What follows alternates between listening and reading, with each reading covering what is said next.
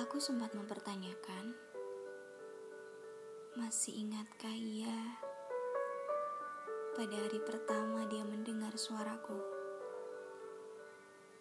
Kemudian dengan senang hati, ia mengirimkan sepucuk surat untuk aku terjemahkan.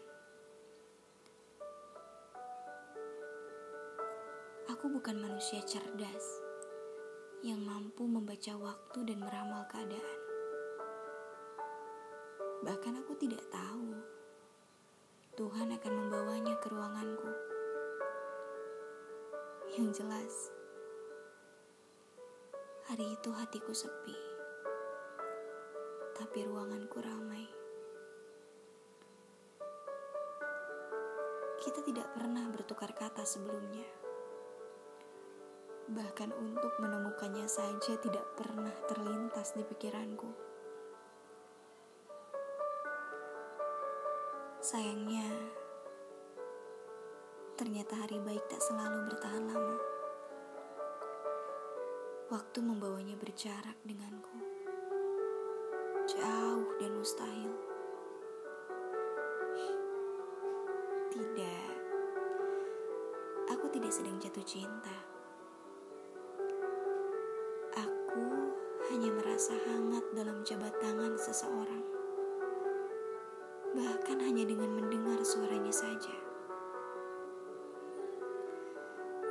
Saat itu, jarak punya kekuatan lebih besar, dan manusia biasa sepertiku tidak punya kendali atas itu. Aku yang bahkan tidak tahu seberapa manis senyumnya melengkung jika di hadapanku, seberapa tinggi badannya, seperti apa bau keringatnya seperti apa potongan rambutnya.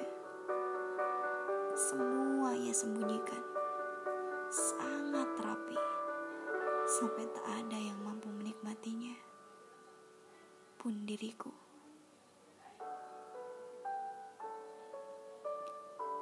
Sampai akhirnya, waktu kalah dengan sendirinya. Waktu membawanya kembali tidak berjarak lagi. Kini, bukan cuma ruanganku yang ramai, hatiku juga lebih ramai dari saat pertama aku mengenalnya.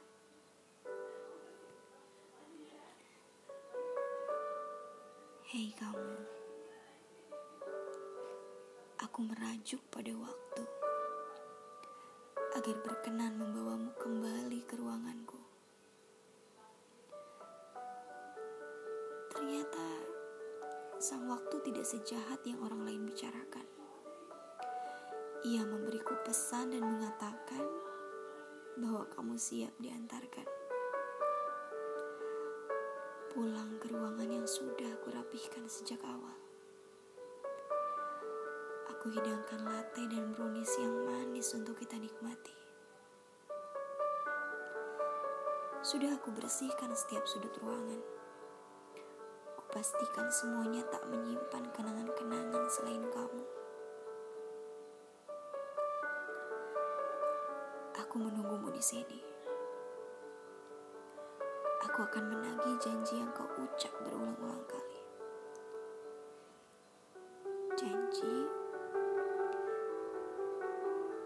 Bahwa kau akan menemuiku di sini.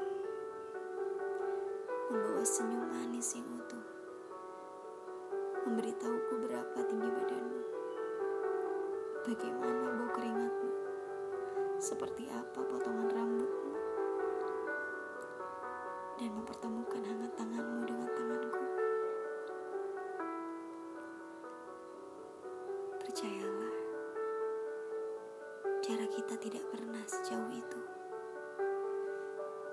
Jarak ini tak pernah menjadi bebanmu dan bebanku.